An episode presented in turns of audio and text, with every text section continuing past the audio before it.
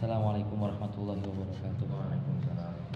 Alhamdulillah, salatu wassalamu ala rasulillah wa ala alihi wa ashabihi wa mawalah Asyhadu an la ilaha illallah wahdahu la syarika lah Wa asyhadu anna muhammadan abduhu wa rasuluh Alladhi balagha risalah wa addal amanah Wa nasuha ummah Wa jahada fillahi haqqa jihadih Allahumma salli wa sallim wa barik ala sayyidina Muhammadin wa ala alihi wa ashabi ajma'in. Amma ba'd. Alhamdulillah teman-teman yang kami cintai karena Allah Kita diizinkan oleh Allah kembali Untuk nu'minu sa'atan Untuk beriman sejenak. Setelah kita beraktivitas di hari Jumat Mencari rezeki Allah Beribadah Memaksimalkan kedekatan kita kepada Allah di hari ini Maka sangat baik sekali kalau malam hari Sebelum hari Sabtu ditutup dengan kajian keagamaan kami akan memulai dengan tema yang baru setelah kemarin kita menyelesaikan dua kali pertemuan kajian tentang al-ghaflah. Kajian tentang kajian tentang adanya realita kalau umat Islam itu lupa. Lupa dalam banyak hal dan itu sudah kita kaji dan sekarang bismillah saya akan mencoba masuk surat Nuh. Surat yang ke-71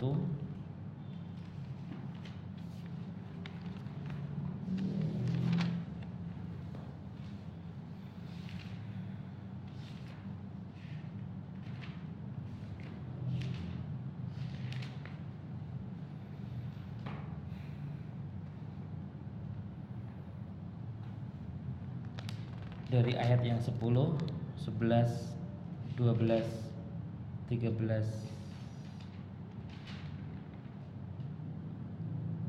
Ini ayat-ayat spesial terkait ketika kita berada dalam kondisi kekurangan air. Silahkan Pak Ayi boleh baca. Jom, baca jom. Oh iya, oh iya Rajum, ya ada Rajum.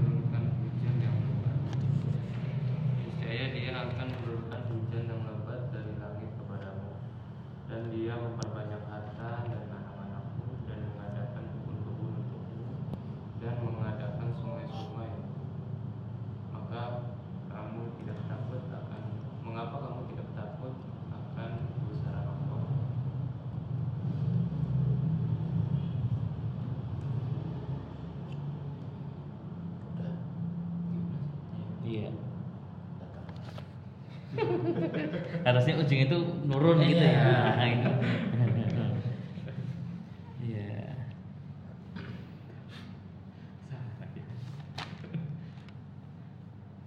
Bismillahirrahmanirrahim. Ini eh, kajian mungkin dua kali pertemuan juga, insya Allah.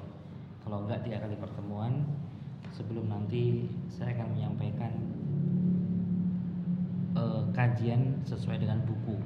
Ya, oke. Saya menyiapkan buku kecil dari tujuh buku yang saya targetkan kira-kira yang paling tepat itu ada tiga atau ada empat buku. Itu akan kita kaji semoga sebelum Ramadan selesai. Itu nah ini suplemen pembukanya itu ini.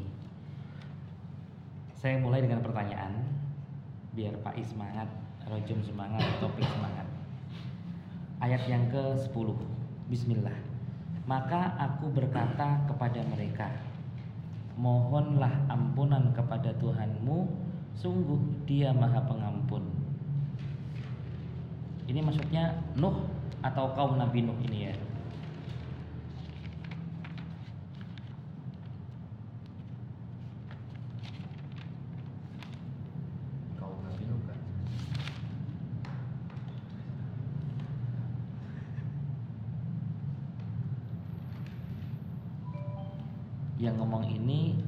Nabi Nuh kepada kaumnya ya. Eh yang ngomong ini. Iya. Fakultu. Nuh berkata, Istaghfiru rabbakum. Am, Mohonlah ampunan kepada Tuhanmu. Innahu kana ghaffara. Begitu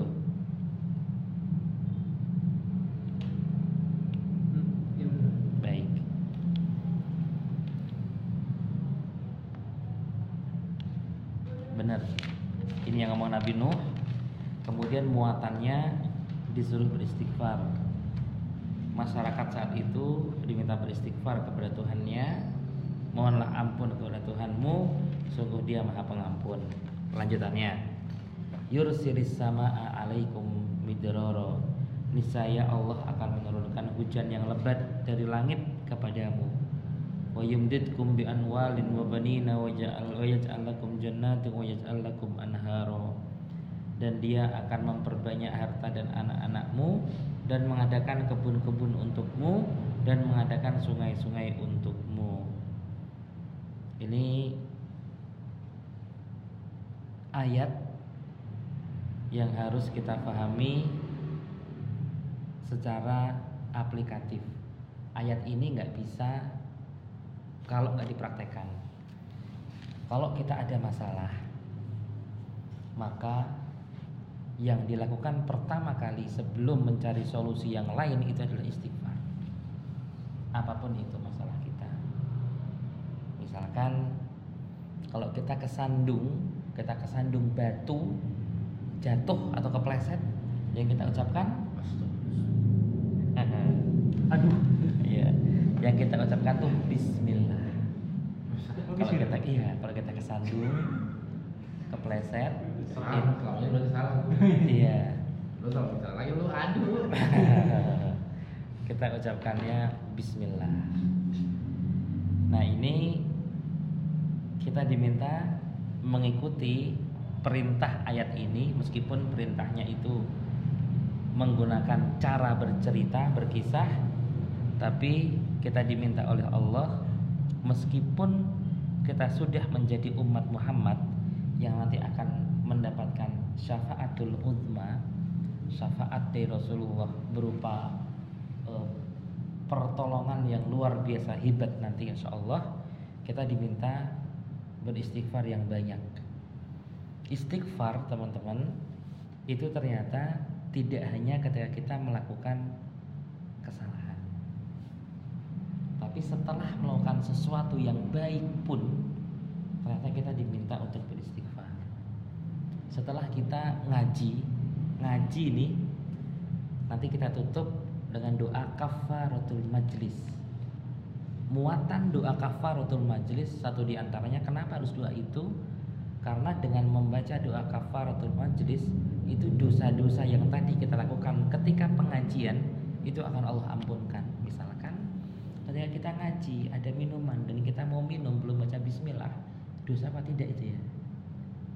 Dosa dengan membaca itu akan diampuni dosanya. Kemudian kita pas mau ngaji seperti ini mungkin eh, ada kesel sama temen. Kenapa ya yang biasanya WhatsApp ngingetin ngaji ngaji ngaji kok nggak datang? Aduh rasanya mungkin aduh mending tadi nggak usah datang aja dah. Mana capek dari kuningan. Luar biasa. Nah yang yang begitu-begitu itu dengan membaca kafaratul majlis akan hilang. Boleh, boleh silahkan saja. Ketika akan menutup eh, pengajian selain dengan menggunakan kafaratul majlis kalau kita belum puas istighfar. Astagfirullah mohon ampun kepada Allah dari berbagai macam kesalahan yang kita lakukan selama bermajlis. Contoh berikutnya ketika kita akan tidur malam. Kita akan tidur malam kemudian kita tahu seharian itu kita penuh dosa saya akan kasih hadiah buat teman-teman yang hari ini membaca Al-Kahfi ada? Iya, kan kita mulai dari rumahnya Udin tuh. Bismillah membaca Al-Kahfi hari Jumat. Pas malam harinya ingat lagi. Baca cuma nggak selesai doang. Baca topik baca sampai tapi nggak selesai. Selesai. Selesai. Alhamdulillah. Pak I selesai. Enggak. Pak enggak. Enggak. Hak seharian. Tidur saya tadi habis sholat Jumat. Iya iya iya. iya. Subuh enggak? enggak. Istri enggak? Enggak mengingat apa iya saya. Enggak tadi saya. Enggak. Oke, berarti besok Jumat. Rajum dapat berapa ayat? Enggak. Beneran? Enggak. Fahru? Kayaknya nggak sampai 50, nggak sampai separuhnya masih Bisa 30 besok. doang. Malam doang kak. Kan hari ini nggak terusin. Iya. Berarti hari ini skornya topik nih. Spesial.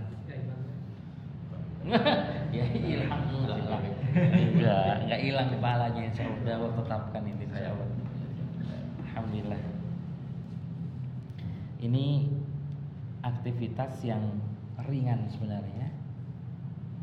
Tapi kalau kita nggak ingatkan di grup misalkan, itu akan menjadi sebuah keterlenaan yang berkepanjangan.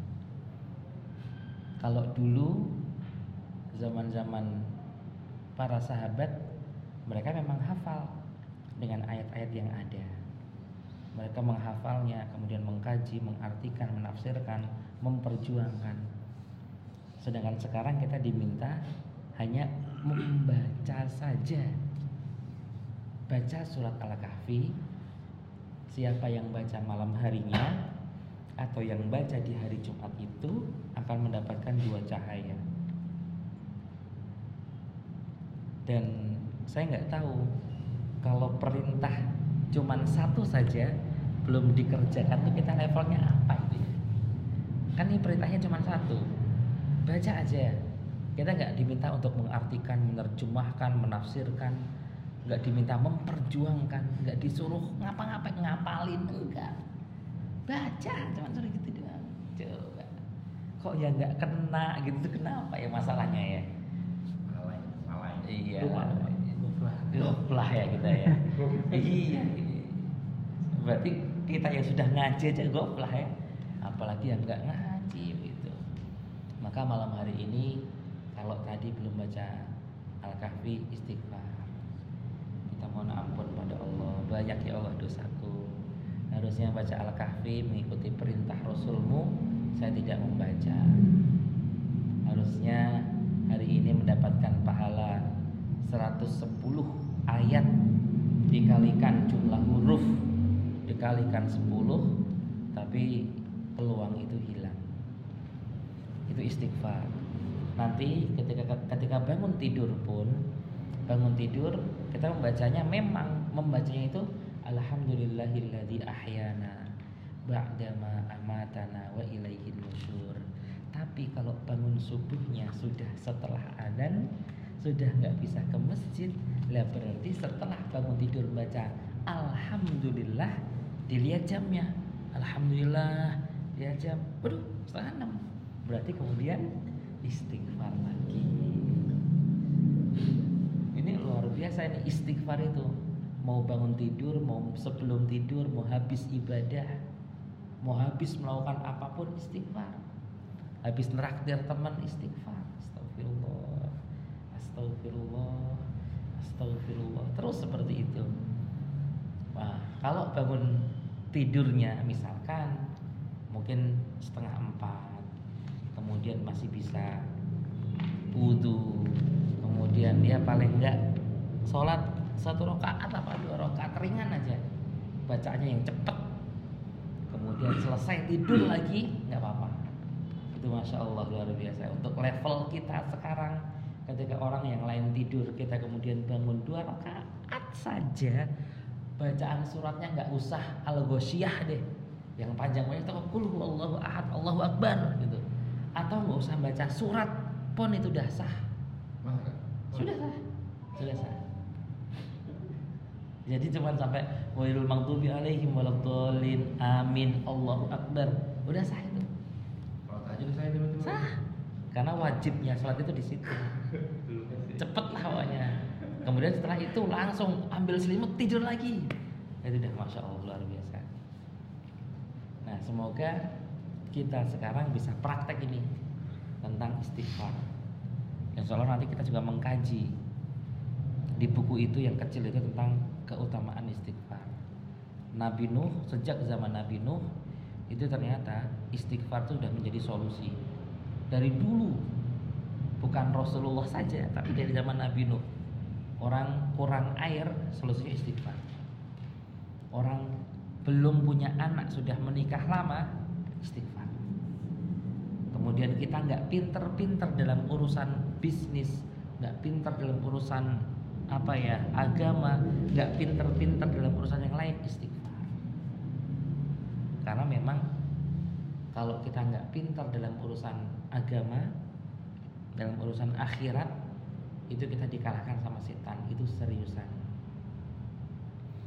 Contohnya ketika Allah yarham eh, Pak Habibie menyampaikan kajian di Mesir saat itu sama teman-teman direkam. Dan salah satu pertanyaan dari para mahasiswa Indonesia saat itu adalah tentang kalau Pak Habibie diberi anugerah akal kecerdasan yang luar biasa seperti ini dan manfaatnya bisa menemukan teori retaknya sesuatu sayap pesawat dan sebagainya kenapa sih Pak Habibie kok dulu itu nggak memaksimalkan untuk ngapal Quran ngapal hadis kalau seperti itu yang Pak Habibie lakukan tentu Pak Habibie akan bisa melebihi Imam Syafi'i dan sadarnya Pak Habibie saat itu diberi kesadaran kemudian menyampaikan seandainya aku diberi usia dan aku diminta untuk memilih dua hal tentang teknologi atau tentang akhirat dia milih akhirat maka teman-teman juga seperti itu kalau sudah usia seperti saya usia seperti teman-teman nggak ada pilihan lain deh untuk mempersiapkan akhirat nggak ada pilihan lain bisnis bisnisnya kita urusannya akhirat kalau kita bekerja urusannya akhirat kalau kita melakukan apa pun itu silahkan sesuatu itu dengan akhirat. Karena terlalu banyak dosa yang sudah kita lakukan dan pintu-pintu surga itu belum tentu terbuka untuk kita. Kan ada tujuh pintu. Ada pintu sholat. Kita sholatnya belum ya belum banyak lah. Kalau mau dibilang belum khusyuk pintu yang disiapkan untuk Abu Bakar yang ahli puasa itu ketika orang-orang nggak puasa Abu Bakar puasa. Ditanya sama Rasulullah untuk para sahabatnya seluruhnya siapa yang sepagi ini berpuasa?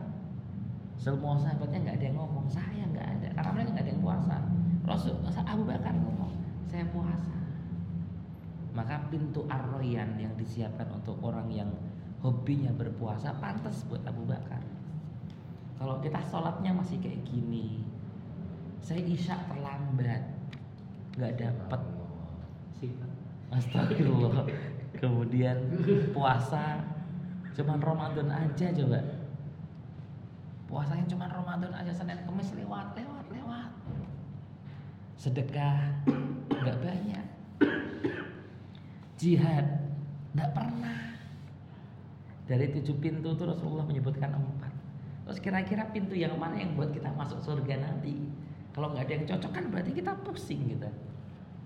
Maka kita kontrol, kita katrol hidup kita dengan memperbanyak istighfar. Kenapa seperti itu? Karena istighfar ini bisa melebur sesuatu. Kerak-kerak dosa itu bisa dilebur dengan istighfar dosa yang sudah lama yang masih nempel dan kita susah untuk menghilangkannya istighfar minta ampun kepada Allah. Maka solusi-solusi yang diberikan oleh Allah kepada orang yang hobi beristighfar itu adalah solusi langit bukan solusi-solusi duniawi. Contohnya ini yang disebutkan oleh Al-Quran. Ketika orang butuh hujan Nuh mengatakan istighfar. Ketika orang pengen punya keturunan Nuh mengatakan istighfar. Bukan disuruh ayo berobat ke Cina ayo berobat ke Singapura Nah, istighfar. Ini teori yang pertama yang sekarang itu kita sudah hilang teori itu.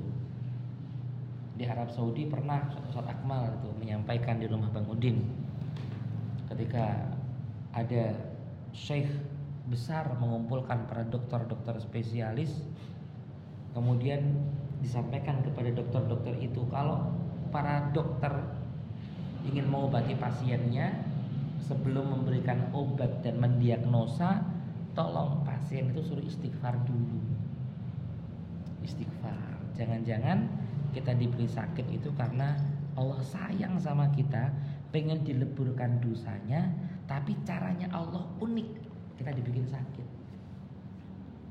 Dari sakit itulah Allah menggugurkan dosa-dosa. Itu bisa.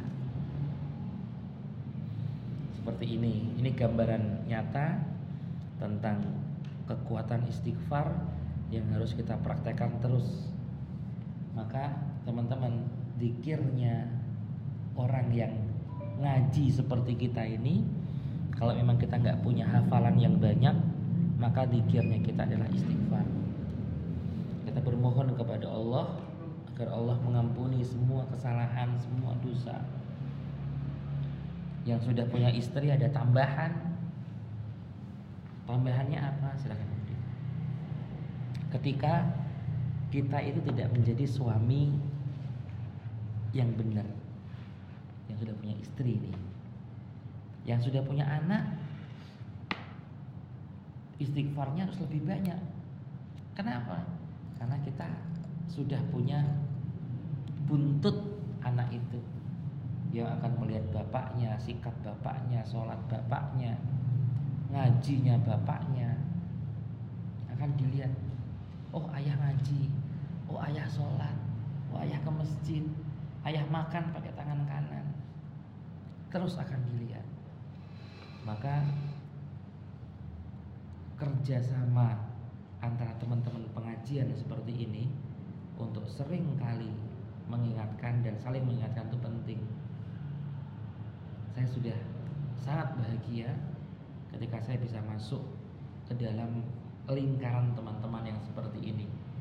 Yang ngajinya itu semangat, kekuatannya istiqomahnya luar biasa. Karena dalam tafsir disebutkan istiqomah itu ada dua.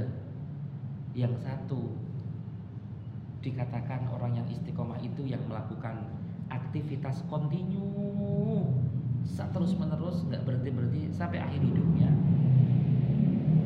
Ada yang kedua. Istiqomah itu melakukan aktivitas yang sama dengan kekuatan yang sama nominal yang sama meskipun personnya itu berbeda. Jadi kajian ini nggak mati itu kita dianggap istiqomah. Ada atau tidak adanya kita. Sekarang mungkin yang tidak ada siapa.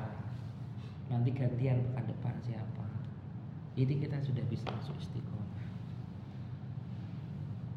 Istighfar ini teman-teman, kalau kita yang sudah punya istri mau tidak mau harus lebih banyak, dua kali lipat. Yang sudah punya anak tiga kali lipat kita memohon ampun kepada Allah daripada nyeselnya itu belakangan ketika nanti hari-hari tertentu di mahsyar kemudian kita tidak memiliki kekuatan untuk melawan Allah dan Rasulnya. Nggak ada pengacara nggak ada hakim nggak ada apa pun yang ada cuma malaikat. Kemudian anak-anak kita berada dalam posisi yang terdolimi. Kita tidak memberikan pendidikan yang baik tidak memberikan kesempatan untuk mendapatkan kepengasuhan yang ideal. Ya sudah. Maka istighfar. Terus istighfar.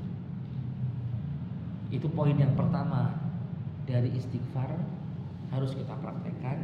Kalau Rasulullah 70 sampai 100 kali dalam sehari semalam istighfarnya itu. Kalau mau mudah kalau mau mudah silahkan teman-teman setiap kali selesai sholat itu lakukan 10 kali. Setiap selesai sholat 10 10 10 10 jadi setelah sal- salam kanan salam kiri itu istighfar tiga kali. Astagfirullah astagfirullah astagfirullah kemudian dikir Allahumma antas salam wa minkas salam. Terus dikir seperti itu. Sebelum beranjak sebelum beranjak keluar dari masjid lanjutkan. Tadi udah tiga nih tambah tujuh. Astagfirullah astagfirullah astagfirullah astagfirullah astagfirullah astagfirullah astagfirullah. Nggak sampai 10 detik. Nggak sampai 10 detik. Udah dapat 10 10 dikali 5 sudah 50 tinggal tambahkan ketika naik motor. Pas inget aja langsung astagfirullah astagfirullah astagfirullah. Apalagi di jalan. Wah kalau di jalan itu masya Allah. Melihat yang enggak enggak itu wah udah berapa kali. Astagfirullah. Di pasar. Nah. coba yang ini. Gini-gini juga Wah. kalau Bang Udin coba di pasar. Ada ibu-ibu ada mbak-mbak pakai celana coba. Mah ribet kan. itu yang akan kami sampaikan nanti. Ini prolognya seperti itu. Bahwa istighfar itu merupakan apa ya ibadah aplikatif. Nggak bisa ngarang istighfar itu. Dosa kita udah terlalu banyak. Allah maha pengampun itu iya. Tapi pada saat yang sama selain Allah maha pengampun Allah juga menyiapkan bahan bakar neraka itu dari manusia dan batu memang Allah maha pengampun Allah tuh pasti ngampuni dosa iya tapi Allah sudah ngomong kalau aku siapkan bahan bakar neraka itu dari manusia dan batu nah kalau manusianya itu ternyata orang-orang kafir kita paham tapi ternyata penduduk neraka itu ada dari golongan orang Islam. Itu yang bikin kita ah pusing. Ada tiga penduduk neraka itu ada tiga. Ada orang kafir, udah pasti yang meninggalnya belum taubat. Ada orang munafik yang pura-pura Islam tapi hatinya kufur. Ada orang Islam yang bergelimang dengan dosa. Orang Islam yang istiqomah melakukan dosa. Coba itu kan serem itu orang Islam istiqomah melakukan dosa nah itu kalau nggak diistighfari gimana itu nanti nyemplung di neraka. Semenitnya saja semenitnya di neraka itu terkelupas semua tubuh eh, daging kita. Kemudian dikembalikan menjadi daging lagi dibakar lagi dikembalikan lagi dan seperti itu. Kalau semenit iya kalau semenit. Nah kalau dosanya terlampau banyak. Seperti itu. Bismillah. Kita masih muda Perjalanan kita masih panjangnya Masya Allah. Ada yang belum nikah Ada yang belum punya putra putri nantinya Ada yang putra putrinya masih kecil Belum dewasa Belum nanti anak-anak ngelawan bapak ibunya. Beuh luar biasa. Silahkan diperjuangkan dengan keluarga bersama Dengan komunitas yang kecil ini. Saling mengingatkan untuk malam hari ini saya ulang kembali bahwa perintah untuk beristighfar itu ternyata perintahnya aplikatif. Nggak bisa cuman ngomong yuk istighfar yuk. Tapi nggak kena di hatinya tuh nggak bisa. Jadi antara lisan dan hati harus nyambung. Itu pertama. Yang kedua ternyata perintah istighfar itu sudah dimulai dari zaman Nabi Nuh. Ketika kasus-kasus ditanyakan sama Na- Na- Nabi Nuh oleh umatnya Nabi Nuh sudah mengatakan solusinya itu istighfar. Nggak ada hujan, udah kemarau berkepanjangan, solusinya istighfar. Nuh, aku nggak punya anak, sudah nikah lama, istighfar. Sudah dicontohkan sama Nabi Nuh. Kemudian yang ketiga teman-teman, istighfar itu bisa dilakukan kapan saja. Tapi Rasulullah memberitahu kepada kita kalau yang maksum saja yang sudah tidak punya dosa saja itu istighfarnya 70 sampai 100 kali. Itu yang udah nggak punya dosa. 70 100 kali. Kita yang dosa sehari ini itu udah nggak terhitung ini dosa kita. Itu istighfarnya berapa kali. Maka ada tips bagaimana caranya biar bisa sehari itu sampai 70 atau 100. Ketika sholat lakukan 10 kali istighfar Tiga kali setelah selesai salam Sebelum keluar masjid 7 Sudah 50 Ketika di kendaraan Ketika mau berwudu 10 Berarti kan sudah 50 tambah 50 Sudah 100 Ketika akan tidur Setelah sudah selesai membaca seluruhnya Astagfirullah Astagfirullah Astagfirullah Astagfirullah. Yang keempat Tolong jangan pernah ditinggalkan. Jangan pernah ditinggalkan. Tumpah. Jangan pernah ditinggalkan. Gak ada gak ada lap-lap ya tapi ini aja lah. Nah. Yang jangan pernah ditinggalkan itu sayyidul istighfar Rasulullah tuh memberi mukena juga. Lah itu. Saya pakai udah Bang Udin, udah Bang Udin. Udah, udah, udah, udah. Udah. Di kolom. Rasulullah itu memberi motivasi. Kurang apa coba? Motivasi kita untuk masuk surga itu mudahnya Masya Allah. Sangat mudah. Syaratnya Kalau kita di pagi hari Silahkan baca Allahumma anta rabbi. Siapa yang di pagi hari membaca itu Kemudian di siang atau sore harinya mati Maka dia masuk surga. Kalau sore belum mati Kita pagi sudah baca Allahumma anta rabbi. Jam segini kita belum mati nih. Baca Allahumma anta rabbi lagi. Siapa yang baca Allahumma anta rabbi sore hari Malamnya mati Masuk surga? Coba kurang apa? Ya Allah ya. Cuman seringnya kita itu Lupa. lupa. Lupa aja pelajaran dari Bang Udin lalai. Lupa. Membaca Al-Kahfi lupa udah malam Sabtu nih. Udah baca Allahumma anta belum? Ya udah malam nih udah nggak sore gitu. Besok pagi udah kita niatin ya Allah semoga besok bisa baca Allahumma anta bangun tidur sholat subuh langsung sibuk ke pasar macam-macam. Ada jualan buka toko jam 9 ya belum baca Allahumma anta udah siang dong udah nggak pagi. Monggo silakan. Maka butuh kerjasama teman-teman semuanya. Saya bangga kalau di grup itu jam setengah enam misalkan ada bunyi ting teman-teman sudahkah kita baca Sayyidul Istighfar? Buh itu indah sekali. Apa pun kondisinya entah jawabannya iya tidak atau dibikin lawakan atau dibikin lucu-lucuan kita ngingetin aja. Karena yang mengingatkan itu juga dapat pahala. Cuman ngingetin aja dapat pahala. Tapi yang ngingetin segera membaca istighfar. Jangan cuma ngingetin aja teman-teman ada teman ngaji nih. Di mana di adikro? Ditunggu-tunggu nggak datang gitu kan ya. Sampai kesel ya Pik ya. Mana pak? Ini ngomong mulu pak. Nggak datang datang ya. Akhirnya datang juga akhirnya. Baik. Ini mukaddimah ada empat poin. Tolong diperhatikan benar-benar. Doakan juga untuk teman-teman yang sekarang belum datang. Kalau saya ingin selain ada ini ada rekaman begini itu ada poin-poin. Poin-poin yang ditulis oleh siapalah mungkin Taufik atau Pak I. Misalkan malam hari ini ada empat poin tentang surat Nuh ini. Ada satu apa dua apa tiga apa empat. Apa di share itu di grup. Teman-teman yang tidak hadir membaca itu yang menulis dapat pahala. Yang baca pun dapat pahala.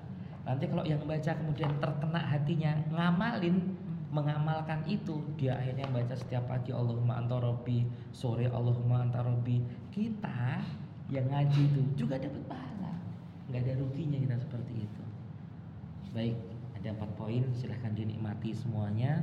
Kita pulang bawa PR itu kita minta maaf kepada suami maaf kepada istri minta maaf kepada anak minta maaf kepada semua yang memang ada kepentingan-kepentingan dan kita belum maksimal ketika eh, kita memberikan amanah itu. Jazakumullah khairan. Terima kasih semuanya. Saya mohon maaf. Assalamualaikum warahmatullahi wabarakatuh. Waalaikumsalam warahmatullahi wabarakatuh.